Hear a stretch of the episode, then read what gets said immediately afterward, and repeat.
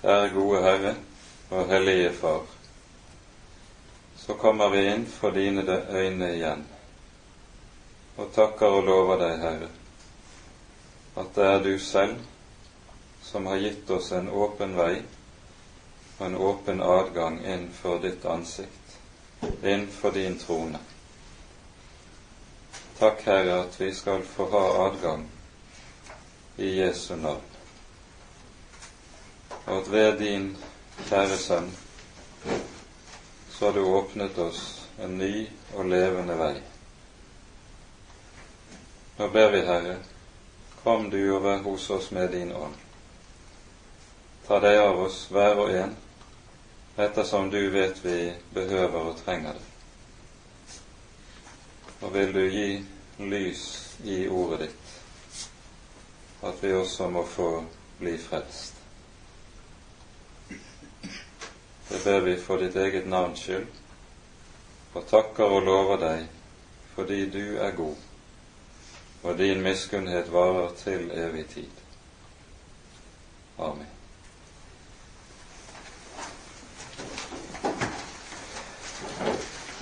Nå er vi altså kommet til det femte kapitlet i Romerbrevet, og vi gjør det sånn i dag at vi leser de elleve første versene her i det femte kapittelet. Jeg vet ikke om vi kommer til å rekke å gå gjennom alt sammen, men eh, for sammenhengen sin del så tror jeg det er greit at vi leser alle elleve versene.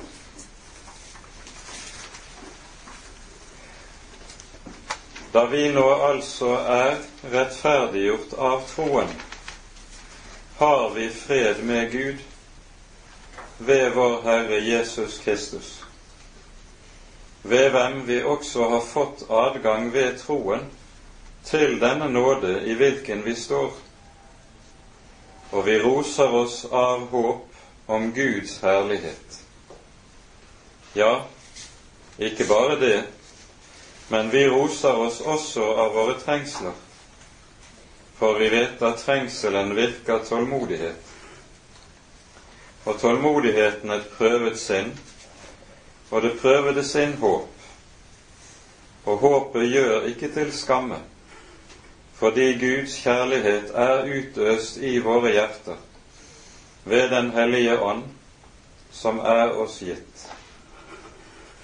For mens vi enda var skrøpelige, døde Kristus til fastsatt tid for ugudelige.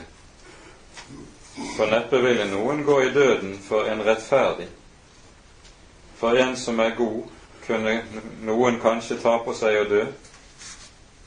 Men Gud viser sin kjærlighet mot oss derved at Kristus døde for oss mens vi enda var syndere.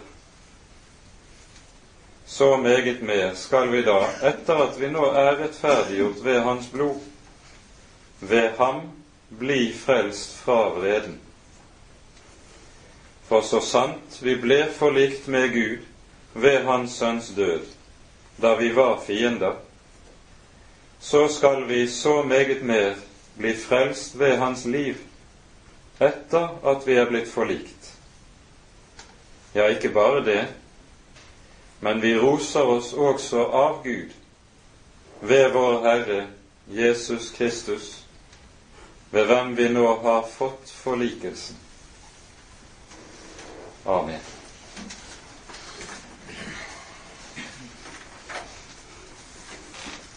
Vi har altså tidligere i vår gått igjennom det tredje og fjerde kapitlet i Romerbrevet, der apostelen taler om rettferdiggjørelsen av tro, hva den er, hva den innebærer, hva den bygger på.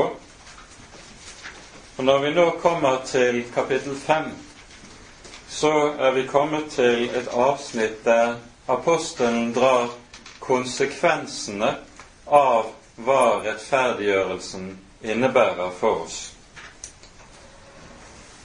Og det er ikke små ting som apostelen da kan peke på. Men vi ser altså av innledningen til kapitlet at det nettopp er dette som han gjør. Da vi nå altså er rettferdiggjort av troen, har vi. Og så hører vi i de følgende vers om hva en kristen har. Han har fred, han har adgang til Gud, han har håp om Guds herlighet, han kan rose seg av trengsel, videre. Det er ikke små ting som apostelen her kan regne opp, og som alt sammen altså er slikt som er konsekvenser av rettferdiggjørelsen. Det første vi merker oss, det er altså ordet fred. Da vi nå altså er rettferdiggjort av troen, har vi fred med Gud ved vår Herre Jesus Kristus. Legg merke til ordlyden også her, for apostelen uttrykker seg aldri tilfeldig. Han sier ikke at vi har fred ved troen, men han sier at vi har fred ved Jesus Kristus. Poenget er at det ikke er vår tro, troens størrelse på noen som helst måte, som det hele hviler i. Men det hviler alt sammen i en annen person enn deg og meg. Det hviler i Jesu person alt sammen. Troen hos oss er jo i seg selv ingenting. Troen er hos oss ingenting annet enn den tomme hånden som griper om det Gud har gitt og lovet oss i sin sønn. Og Derfor står det vi har fred ved Jesus Kristus. Nå sies det her at dette er fred med Gud. Og Det vi skal merke oss med dette uttrykket, er at med dette siktes det ikke til en følelse som vi kan ha i våre hjerter. Bibelen kan også tale om det å oppleve Guds fred, sånn som vi kan høre det f.eks. i Filippabrevet i det fjerde kapittelet. Der skriver apostelen slik.: Vær ikke bekymret for noe, men la i alle ting deres begjæringer komme frem for Gud, i påkallelse og bønn med takksigelse. Og så står det og Guds fred som overgår all forstand, skal bevare deres hjerter og deres tanker i Kristus Jesus. Der er det tale om den fred som en kristen kan ha og oppleve i sitt hjerte, og som er grunnet i det at samvittigheten har fått fred. Samvittigheten har fått fred fordi det er gjort soning. Samvittigheten har fått fred fordi all den synd som jeg har gjort, som jeg har på samvittigheten, den har Gud tatt bort i sin sønn. Og når hjertet får lov til å gripe om evangeliet, da får samvittigheten fred. Og denne freden den gjør seg altså også gjeldende inn i de forhold som apostelen taler om når det gjelder bekymring. Men det er altså ikke det det taler om her. Her er det tale om det å ha fred med Gud. Det er det som henger sammen med ordet som vi møter i vers 10 og i vers 11. Det taler om forlikelsen. Bakgrunnen er dette at tilstanden når det gjelder forholdet mellom Gud og mennesker før vi blir frelst, det er at det er fiendskap. Og så har Gud ved sin sønn tatt bort fiendskapet og skapt fred. Det er freds, tilstand. Gud ikke, nærer ikke lenger vrede imot oss, og i denne sammenheng er det motsatte av Guds vrede nettopp det å ha fred med Gud. Akkurat det som vi her er inne på, det hører vi også understreket i et viktig avsnitt hos profeten Jesaja, Jesaja-bokens 32. kapittel. Her er det tale om frelsen som en dag skal komme ved Messias. Da skal Ånden utgytes over menneskene. Og så leser vi i Jesaja 32 fra vers 16 av. Rett skal bo i ørkenen, og rettferdighet har sitt hjem på den fruktbare mark. Og rettferdighetens verk skal være fred, og rettferdighetens frukt skal være ro og trygghet til evig tid. Og mitt folk skal bo i fredens bolig og i trygghetens telt og på sorgfrie hvilesteder. Dette er helt sentrale ord, og dere legger merke til hvorledes det her uttrykkelig sies nettopp dette at freden er en konsekvens, det er en frukt av at rettferdighet er brakt for lyset. Og Det er altså denne tankegang som vi også ser her hos Paulus. Rettferdighet. Da vi er rettferdiggjort av, av troen, har vi fred med Gud. Så legger vi også merke til i denne sammenheng at fred med Gud det er noe som et menneske ikke kan få eller oppnå ved loven. Loven gir ikke noe menneske fred. Tvert om, det skaper ufred, det gir samvittighetsuro og samvittighetsnød. Det som kan skapes fred, det er, er kun evangeliet om Herren Jesus. Og det er dette altså apostelen her taler om. Ordet fred i Bibelen, det betyr ikke bare opphør av stridigheter. Selv om bakgrunnen er det som vi har pekt på her, ordet forlikelse, som nettopp taler om hvorledes et fiendskap er brakt til ende, og så er det kommet fred. Poenget med det hebraiske ordet shalom, som alle kjenner godt, det er at det er et ord som beskriver langt mer enn opphør av fiendskap. Det er et ord som betegner hele den himmelske harmoni, den fred, den harmoni som er hos Gud, og som rådet i skaperverket før syndefallet kom inn. Det er en ord som har en veldig fylde og rikdom med seg, og som ikke er så godt å få frem i våre oversettelser. Men ordet velsignelse rommes også i dette ordet som har med fred å gjøre, shalom. Det skal vi etter hvert også komme tilbake til. Da vi nå altså er rettferdiggjort av troen, har vi fred med Gud.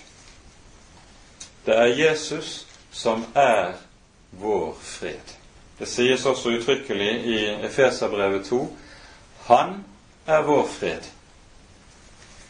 Og det er av denne grunn at Jesus som det første som lyder etter oppstandelsen, kommer ut av graven og sier til disiplene sine fred. Fred være med dere.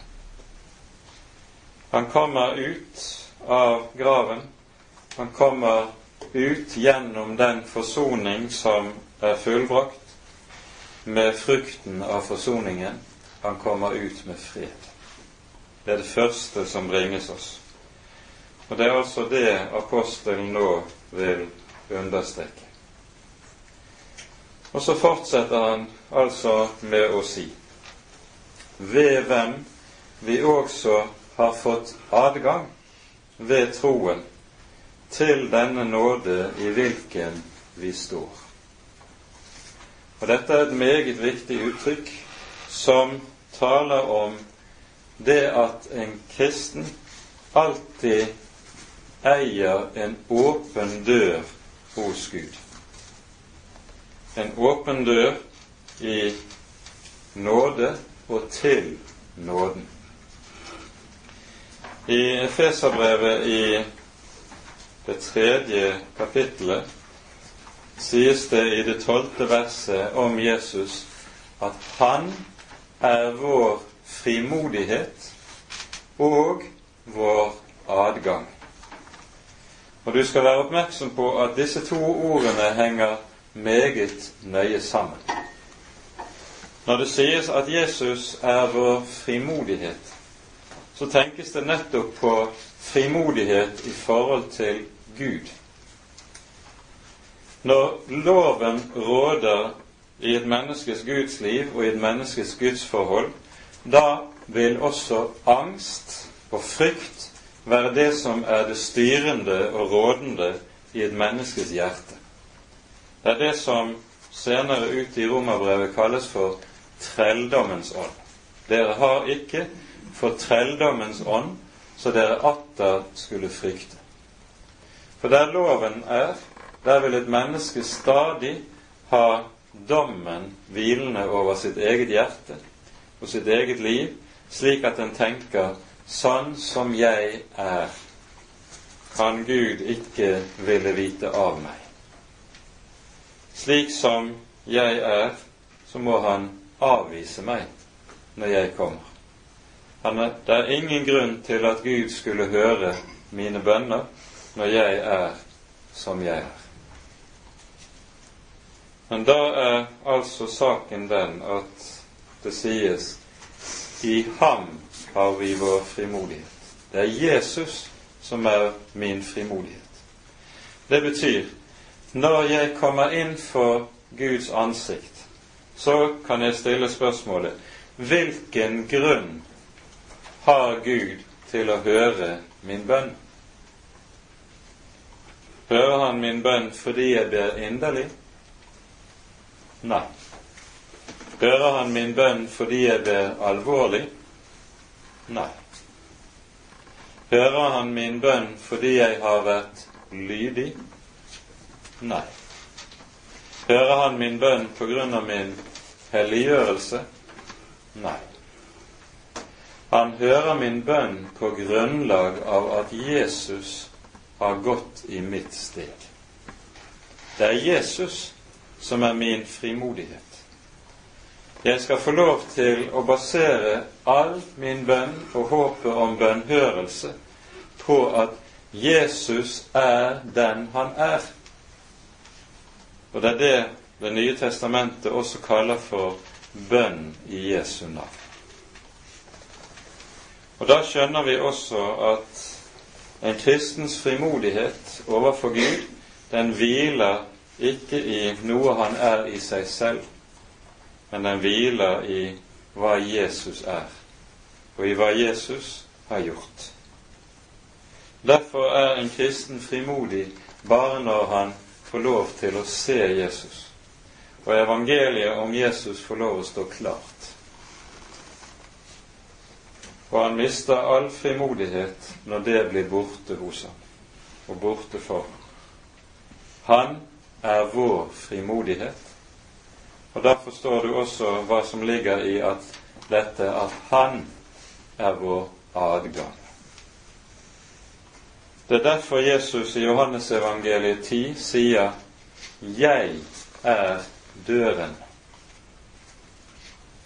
Han er en dør som er åpnet opp, og som syndere skal få lov til å gå inn igjen. Jeg er døren. Den som går inn gjennom meg, han blir frelst, sies det. Og Da skal du også i den sammenhengen merke deg at Jesus bruker presensformen i verbet. Han taler om den som går.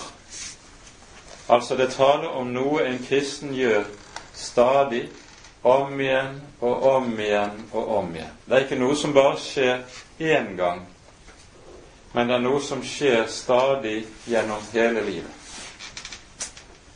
Den som går inn gjennom meg, han blir frelst. For, for en kristen er det slik at det er nettopp dette som er livet, at han går inn gjennom Jesus. Det er Jesus som er min adgang inn for Gud.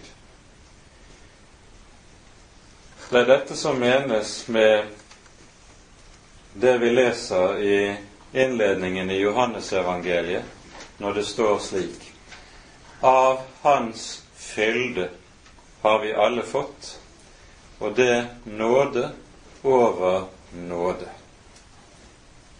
Tankegangen i dette verset er at nåden er noe som stadig må tilegnes på ny. Hvis en kristen nemlig skal komme til å nå målet hjemme hos Gud, så kan han ikke så å si leve på den nåden han fikk i går, den nåden han fikk i fjor. Tvert om, for at det kristne livet skal kunne være sant, så betinger det at en kristen stadig fornyes i dette livet. Og det er nettopp det som skjer når det, vi hører det uttrykket brukes nåde over nåde. Grunntekstens uttrykk betyr nøyaktig her nåde mot nåde. Det er et uttrykk som anvendes når det taler om å bytte, at du bytter en sak som du har, for å få noe annet. Tankegangen er da den at du så å si bytter den nåde som du har fått i går, med ny nåde i dag. Vi har fått adgang ved troen til den nåde i hvilken vi står. Her er det tale om en adgang som en kristen stadig har inn til Guds nåde, stadig til å fornyes i nåden. Og det er også en rettighet som er gitt oss i Jesu navn, og som heller ikke hviler på noe du er eller kan være i deg selv. Det er en adgang som hviler på, og en rett som hviler i Jesus. Her kunne vi også kanskje minne om og gjøre oppmerksom på noe av det som Moses ber om i sin store forbønn for Israels folk, som vi finner i 2. Moseboks 33. kapittel. Her finner vi nettopp et underlig uttrykk for noe av dette.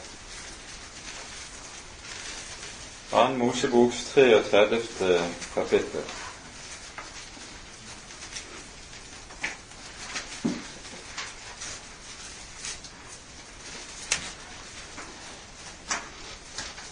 Her hører vi at når Moses ber for folket etter synden med gullkalven, så innledes denne bønnen slik vi leser fra Vestfold.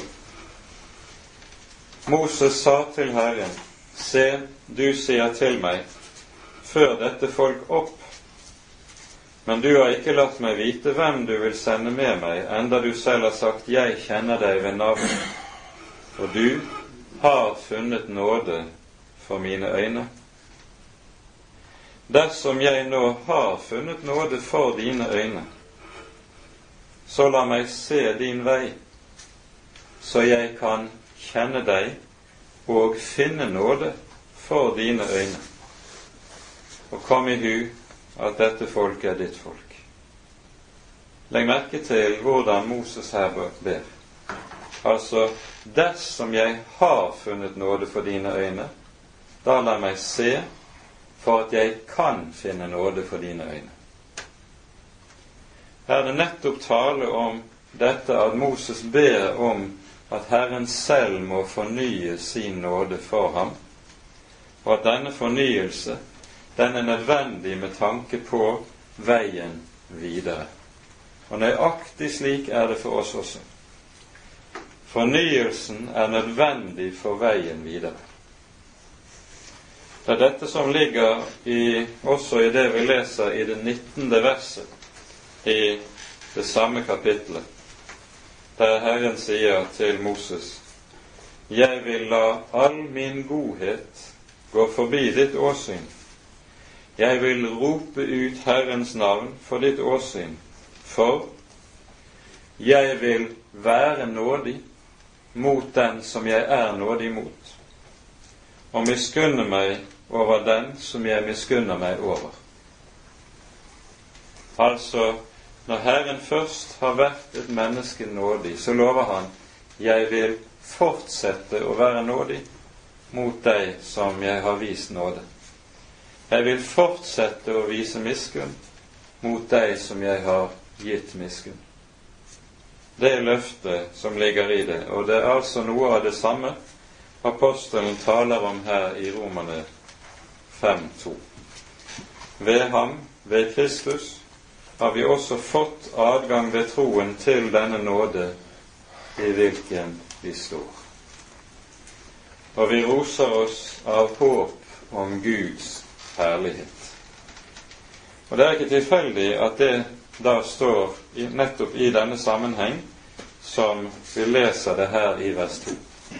For det vi hørte, var jo nettopp dette at det at Herren får fornyet sin nåde mot oss, det er avgjørende nødvendig med tanke på veien videre, og ikke minst med tanke på å nå målet hjemme hos Gud Å rose seg av håp om Guds herlighet.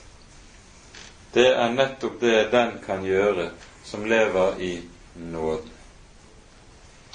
For det mennesket som er under loven, så gjelder det som vi har vært inne på allerede i tredje kapittelet, i vers 23, der det står alle har syndet og står uten Guds herlighet det er menneskets kår under synden og under lovens herredømme. Men den som altså lever hos Jesus, lever under nåden, han roser seg av håp om Guds herlighet, det som gikk tapt ved syndefallet. Det er det vi leser om i åpenbaringens 21. kapittel, når vi leser om det nye Jerusalem. Det nye Jerusalem, det er jo i åpenbaringen 21 nettopp bildet på Guds folk. Det er bruden som er Kristi brud. Og så står det i åpenbaringen 21 vers 10 og 11 slik. Han førte meg i ånden bort på et stort og høyt fjell og viste meg den hellige stad, Jerusalem, som steg ned av himmelen fra Gud. Den hadde Guds herlighet. Så beskrives det da i de påfølgende vers om hva denne Guds herlighet innebærer. Vi behøver ikke gå nærmere inn på det her. Men legg altså merke til uttrykket her den hadde Guds herlighet. Her minner vi bare om hva ordet herlighet betyr i Bibelen. Det greske ordet det et ord som heter doxa på gresk. Det betyr ære eller herlighet, og det betegner den benevnelse på noe av den lysglansen som stråler ut fra Gud, den allmektige og hellige. Det hebraiske ordet som ligger til grunn for dette, det er et ord som bokstavelig betyr tyngde. Når det i Det gamle testamentet er tale om Guds herlighet, så står det altså bokstavelig Guds tyngde. Og poenget med uttrykket er at når det slik er tale om Guds tyngde, så betegner uttrykket Guds herlighet hele fylden av hva Gud er i sin hellighet, i sin godhet, i sin majestet, i sin velsignelse, i sin nåde. Altså herlighet er betegnelse på hele fylden som er i Gud. Og det er dette som en kristen altså skal få lov til å rose seg av. Og dette er altså det stikk motsatte av selvros. I slutten av det tredje kapittel så hører vi apostelen tale om noe av det. I vers 27 i kapittel 3 står det sånn Hvor er så vår ros? Den er utelukket, sier han. Ja, for vi har ikke noe å rose oss av når det gjelder oss selv. Men en kristen skal altså få lov til å rose seg av noe annet. Av det han har, og det han eier i kraft av Jesu verk, av Jesu person. Og så kan en kristen rose seg. Det er det motsatte av selvros.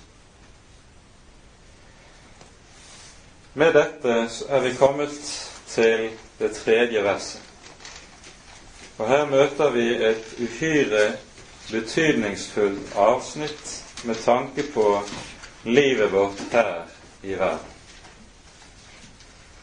For apostelen fortsetter nå med å si ja, ikke bare det, men vi roser oss også av våre trengsler. For vi vet at trengselen virker. Og så hører vi så i tre ledd hva trengselen virker i en kristens liv. Her møter vi på en tanke i Bibelen som er dypt, dypt fremmed for det naturlige mennesket.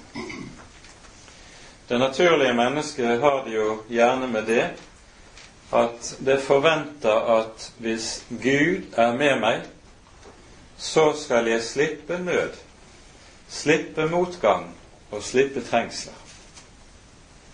Og der det naturlige menneskets religiøsitet kommer til uttrykk, der vil det nettopp også tale slik at det er et tegn på Guds velsignelse nettopp det at et menneske slipper unna trengsel. Nei, sier Bibelen. En kristen roser seg av trengsel. Trengsel er så å si noe av det normale livsvilkår som et Guds barn vil leve under her i verden. For å ta noen eksempler fra Det nye testamentet. Vi ser, leser først fra uh, første Peters brev i det første kapittelet.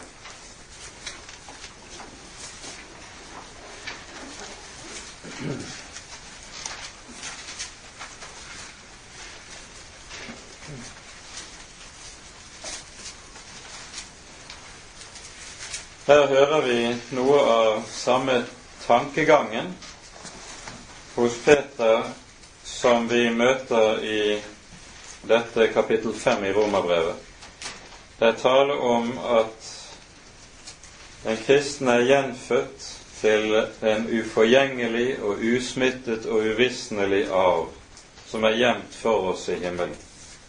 Vi som, står det, ved Guds makt holdes oppe ved troen til den frelse som er ferdig til å bli åpenbart i den siste tid. Og så følger de vers 6. Derover fryder dere dere, om dere enn nå, når så skal være, har sorg en liten stund ved alle hånde trengsler, for at deres prøvede tro, som er meget kosteligere enn det forgjengelige gull, som dog prøves ved ild, må finnes til lov og pris og ære i Jesu Kristi åpenbarelse. Han som dere ikke har kjent og dog elsker, han dere nå ikke ser og dog tror på. Og derfor fryder dere dere med en usigelig og herliggjort glede når dere vinner frem til endemålet for deres tro, sjelenes frelse. Legg merke til hva som her sies om den prøvede tro. Når det står at den er meget kosteligere enn gullet som prøves i ild, så er tankegangen her at dette er noe som er kostbart, det er dyrebart i Guds øyne.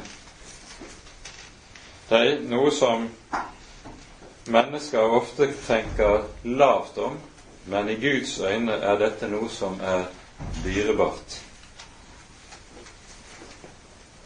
Vi hører også i eh, andre Korinterbrev i det fjerde kapittel så er det et avsnitt som eh, der apostelen taler om sine egne lidelser i tjenesten for, for evangeliet. Og så sier han noen avgjørende viktige ting om hva dette egentlig innebærer og betyr. Vi leser fra vers 16 til 18. Derfor taper vi ikke motet, men om òg vårt utvortes menneske går til grunne, så fornyes det innvortes dag for dag. For vår trengsel, som er kortvarig og lett, virker for oss en evig fylde av herlighet i overmål på overmål, ettersom vi ikke har det synlige for øyet, men det usynlige. For det synlige er timelig, men det usynlige er evig. Her møter vi også noe det samme verbet som vi finner i Romane 5. Det taler om at trengselen virker. Det greske ordet er et ord som vi har i som låneord hos oss når vi taler om energi. Tenk deg at ordet energi er omgjort til verb. Energeitai. Det utvirker, det virker energisk til den det og det som det her sies. Trengselen har nemlig det med seg at den skaper og gjør noe i en kristens liv og en kristens hjerte. Hvordan kan den det? Jo, det står 'for vi vet'. Vi vet. Her er det tale om en sentral side ved den kristne kunnskap og som altså skiller seg dypt og radikalt fra det naturlige menneskets kunnskap og, og oppfatninger. Vi vet. Hva er det vi vet? Jo, vi vet for det første at trengselen virker tålmodighet. Hva er tålmodighet for noe? Tålmodighet er ikke bare evne til å utholde vanskeligheter, slik som det kan bety i vanlig dagligspråk. Men tålmodighet i Guds ord skal vi særlig merke oss innebærer to ting. For det første så betyr tålmodighet i Bibelen det å bie på Herren. Den kristne tålmodigheten fører det med seg at en kristen roper til Herren og bier på Herren. Og mens han bier på Herren, så, og det er det andre, så blir han under de kår som Herren lar han oppleve. For tålmodighet, ordet tålmodighet, det greske ordet det betyr bokstavelig det å bli under det en er satt inn i. Det å bli, eller forbli, under. Og slik forblir en kristen i det Herren har satt ham i, og så roper han på Herren, og han venter på Herren. Dette finner vi tallrike uttrykk for i Salmenes bok. Og det er ikke minst i denne sammenheng noe av det som er, gjør Salmenes bok så rik og så trøstefull for en kristen å fordype seg i. Og her settes det ord på hva en kristen både kan oppleve av nød og trengsel, og han får hjelp til med ord å legge dette frem for Herren, og så bie på ham. For å peke bare på et par konkrete eksempler. Vi kan slå opp i Salme 42.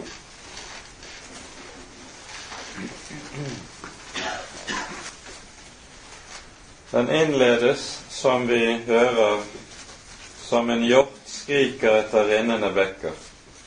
Så skriker min sjel etter deg, Gud. Min sjel tørster etter Gud, etter den levende Gud. Når skal jeg komme og tre frem for Guds åsyn? Mine tårer er min mat dag og natt, fordi man hele dagen sier til meg, Hvor er din Gud? Her ser vi noe av det som kan gjøre trengselen meget vanskelig og tung for en kristen, nemlig når den tanken treng, trenger seg på at det vonde jeg nå opplever, det er et tegn på at Herren har forlatt meg. Herren er borte. I nøden og i trengselen føles det som at Herren er så uendelig langt borte og når han er borte for meg, så trenger den tanken seg på dette er kanskje min egen skyld. Det er min egen synd som har ført meg dit. Min egen dårskap, min egen ulydighet osv. Hvor er nå din Gud? Og så fortsetter salmen. Vi hopper over et vers og leser vers 6. Hvorfor er du nedbøyet, min sjel? og bruser i meg. Bi etter Gud, for jeg skal ennå prise ham for frelse fra hans åsyn. Å bie på Herren, det er å vente. Og det kan ofte innebære å vente lenge og tilsynelatende forgjeves. Men den som venter på Herren, venter aldri forgjeves. Men legg merke til denne tanken her, som ligger der, og som dukker opp på ny og på ny i Salmenes bok. Bi på Herren. Det er den kristne tålmodighet. Nøden har altså det med seg at den driver oss inn til Herren, for oss til å rope på Herren og til å bie på Herren. Så står det tålmodigheten virker et prøvet sinn. Hva er et prøvet sinn? Jo, det er et sinn som har gått gjennom prøvelser, som altså har gjort bestemte erfaringer i livet med Gud. Og de erfaringene dreier seg om ikke bare at en har gått gjennom nød og vansker og tunge tider, men en har opplevd også at Gud har holdt ord.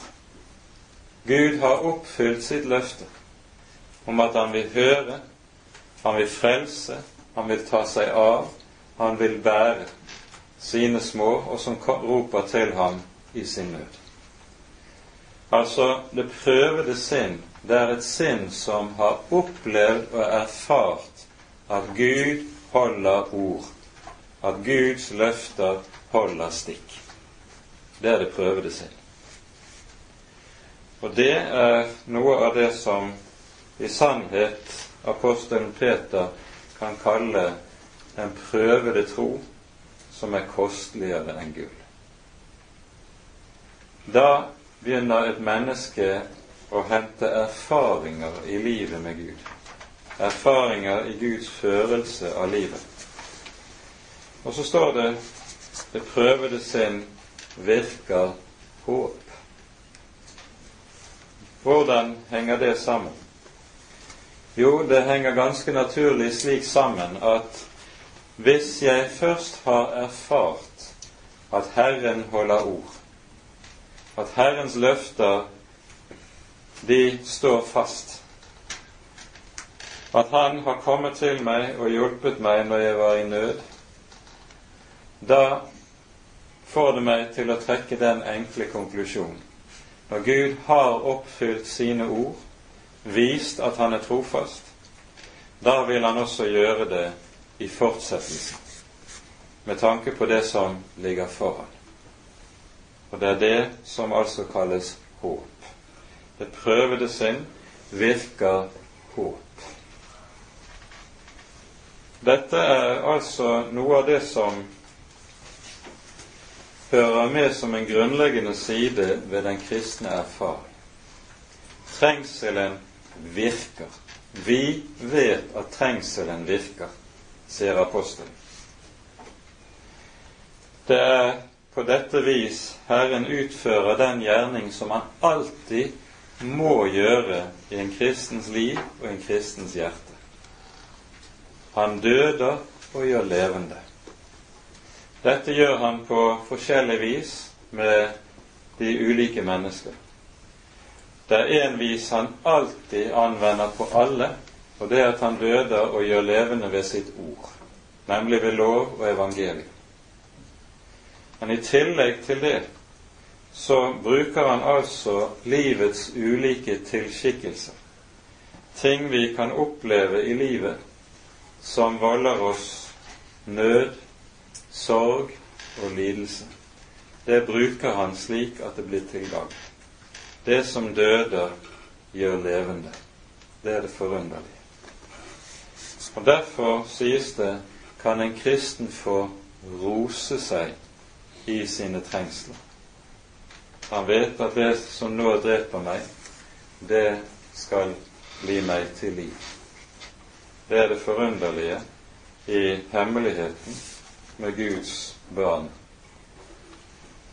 Som ikke-troende menneske så opplever en og tenker en alltid slik at det som gjør livet vanskelig, det er det som en både vil unngå, og som gjør livet meningsløst. En kristen vet at trengselen den er Guds hånd. Derfor står det også sånn i Salme 34.: Mange er den rettferdiges ulykker. Men Herren utfrir ham av dem alle, kommer det i fortsettelsen. Men merk altså det uttrykket.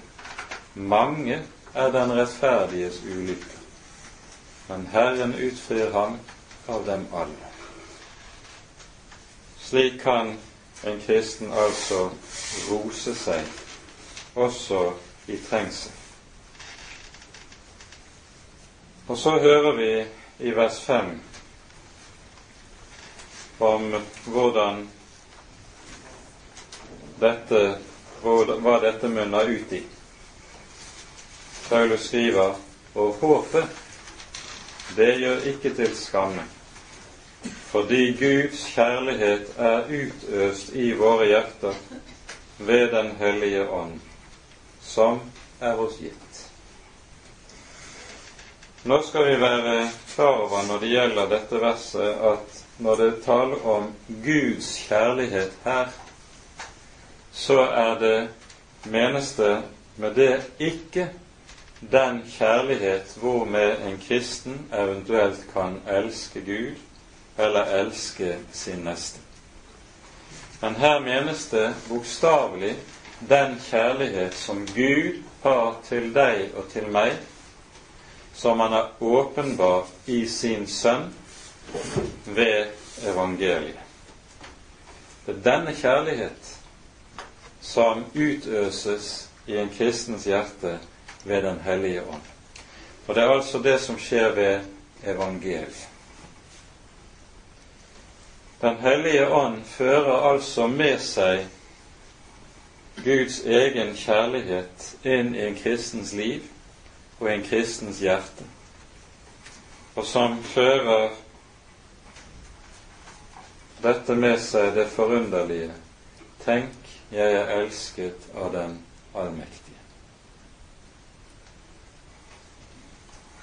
Det blir ikke en selvfølge, det blir et under. Guds kjærlighet er utøst i våre hjerter ved Den hellige ånd, som er oss gitt. Det er i denne sammenheng at Ånden også kalles et pant eller et seil i Det nye testamentet på arven som ligger foran. Eh, dette er et uttrykk som vi møter bl.a. i Efeserbrevet i det første kapittelet, og vi leser der et enkelt vers.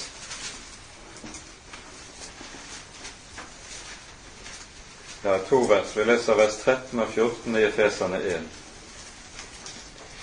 I ham har også dere, da dere hadde hørt sannhetens ord, evangeliet om deres frelse. I ham har dere òg, da dere var kommet til troen, fått til innseil Den hellige ånd, som var oss lovt han som er pantet på vår arv til eiendomsfolkets forløsning, hans herlighet til pris. Hva betyr ordet innseil? Det er et ord som brukes i tråd med det som var praksis i datiden, f.eks. når det gjaldt keiseren som skulle avmerke noe som sin eiendom da satte han sitt seil på det. Og bar noe keiserens seil, da visste alle at dette var hans eiendom. Slik er det å ha mottatt og ha Den hellige ånd, det er å ha fått altså et seil, der Gud sier 'Du er min. Du er min eiendom'. Dernest hører vi i vers 14 at Ånden kalles for et pant. Det er et uttrykk som er hentet fra datidens handelsspråk, og som var slik det, det dreiet seg om det at hvis to forretningsmenn inngår en avtale, så var det ganske vanlig at man som beseiling på avtalen så ga man et pant eller en håndpenge eh, som et slags forskudd på den fulle betalingen som skulle følge. Altså pantet eller håndpenningen var garanti for det som skulle komme. Og slik er det å ha fått Den hellige ånd, det er å ha fått pantet på Guds evige herlighet, løftet om målet som ligger foran. Og Derfor står det 'Håpet gjør ikke til skamme', fordi vi har fått Ånden som pant, Ånden som innseier. Og Ånden er altså også gitt i og ved evangeliet. Og På ny understreker vi i denne sammenheng det som er helt avgjørende i Paulus sin undervisning om Den hellige ånd. Den hellige ånd er knyttet uløselig til evangeliet om Jesus, til evangeliet om rettferdiggjørelsen. I dag er dette så nødvendig å understreke fordi det er så megen avsporing og vranglære om Den hellige ånd innen ulike typer karismatiske retninger at det blir desto mer viktig å holde fast på og peke på dette. Ånden hører sammen med rettferdiggjørelsen. Ånden hører sammen med budskapet i evangeliet. Og dette læres oss ikke minst i Galaterbrevet i det tredje og det fjerde kapittelet.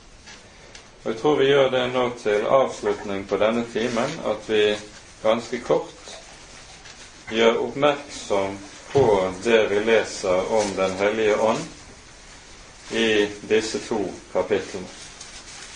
Det er tre avsnitt som kommer i betraktning i denne sammenheng. Først Galaterne 3,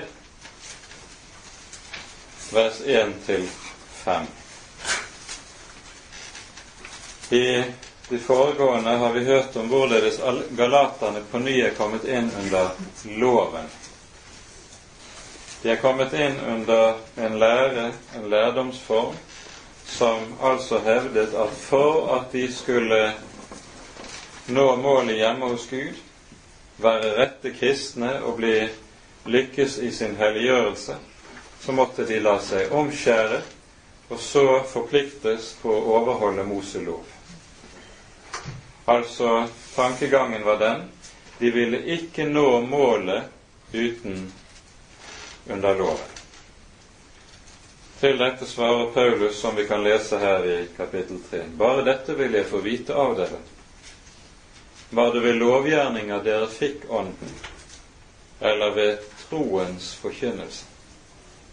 Altså, var det ved å streve med seg selv med å prøve å bli annerledes og slik oppfylle Guds krav, var det slik de fikk Den hellige ånd? Nei, det var ved troens forkynnelse. Altså ved budskapet om rettferdiggjørelsen av tro for Jesus skyld. Slik fikk de Ånden. Ved å høre dette budskap kom Den hellige ånd over dem og flyttet inn i hjertene deres, fødte dem på ny og gjorde dem til Guds barn ved troens forkynnelse. Dette lærer oss at en rett forkynnelse av evangeliet er nødvendig for at Den hellige ånd skal komme. Hvis, hvis evangeliet forkynnes galt, så kommer ikke Den hellige ånd. Da er det en annen ånd som kommer. Det er ikke Den hellige ånd. Paulus fortsetter så i vers 5 og sier Han altså som gir dere Ånden og virker kraftige gjerninger blant dere, gjør han det ved lovgjerninger eller ved troens forkynnelse. Legg merke til at i vers 2 så talte Paulus i fortid. Han som ga. Men nå i vers 5 så taler han i nåtid. Han som gir. Her er det jo nemlig slik at et Guds barn er avhengig av at Herren på ny og på ny sender sin ånd og fornyer åndens liv, nådens liv, i hans hjerte. Hvorledes skjer det?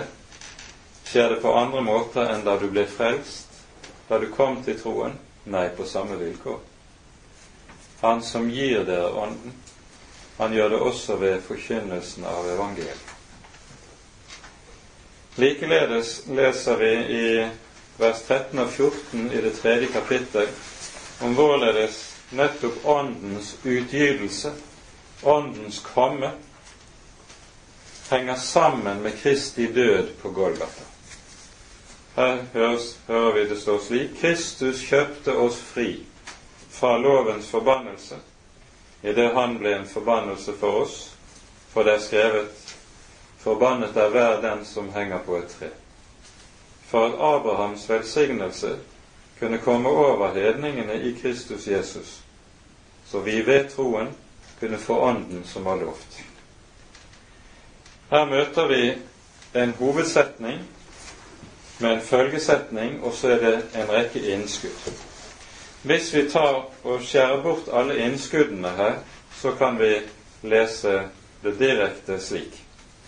Kristus kjøpte oss fri fra lovens forbannelse, så vi ved troen skulle få Ånden som var oss lovt. Det er det som er tankegangen, følgen, i dette verset. Og vi forstår det at Jesus lider døden på korset under lovens forbannelse, det er forutsetningen for at Ånden kan gis og komme over oss. Åndens komme hviler i forsoningen, hviler i evangeliet. Til sist Galaterbrevet kapittel 4 fra vers 6.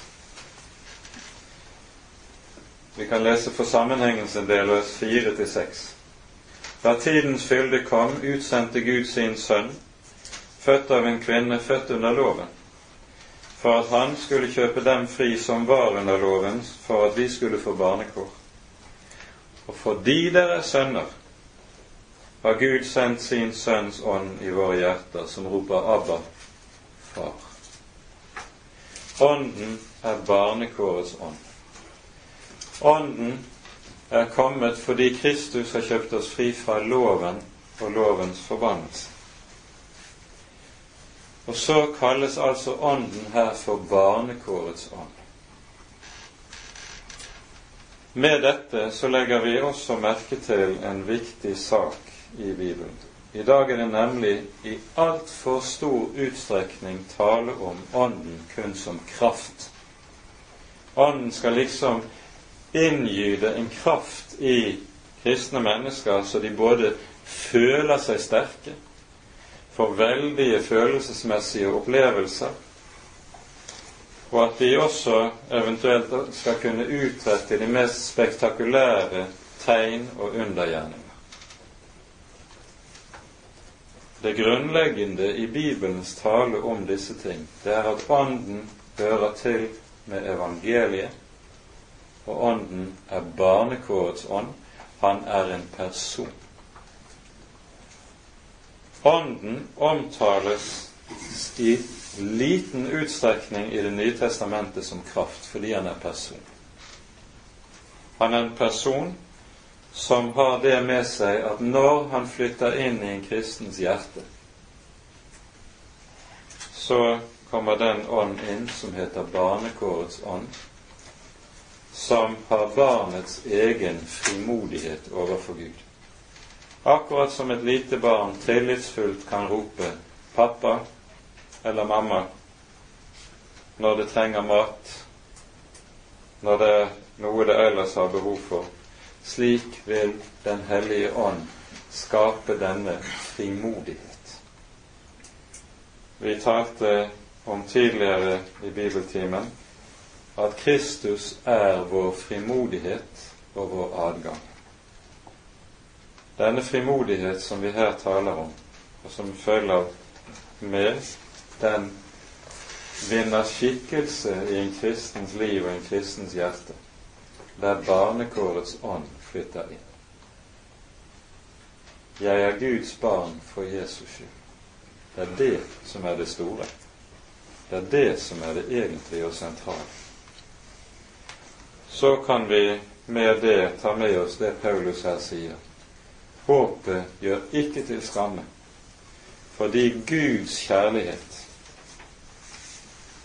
er utøst i våre hjerter ved Den hellige ånd, som er oss gitt. For mens vi enda var skrøpelige, døde Kristus til fastsatt tid for ugudelig. Og med det tror jeg vi setter punktum i dag, og så får vi fortsette til høsten. Ære være Faderen og Sønnen og Den hellige ånd, som var og er og være skal en sann Gud, høylovet i evighet. Amen.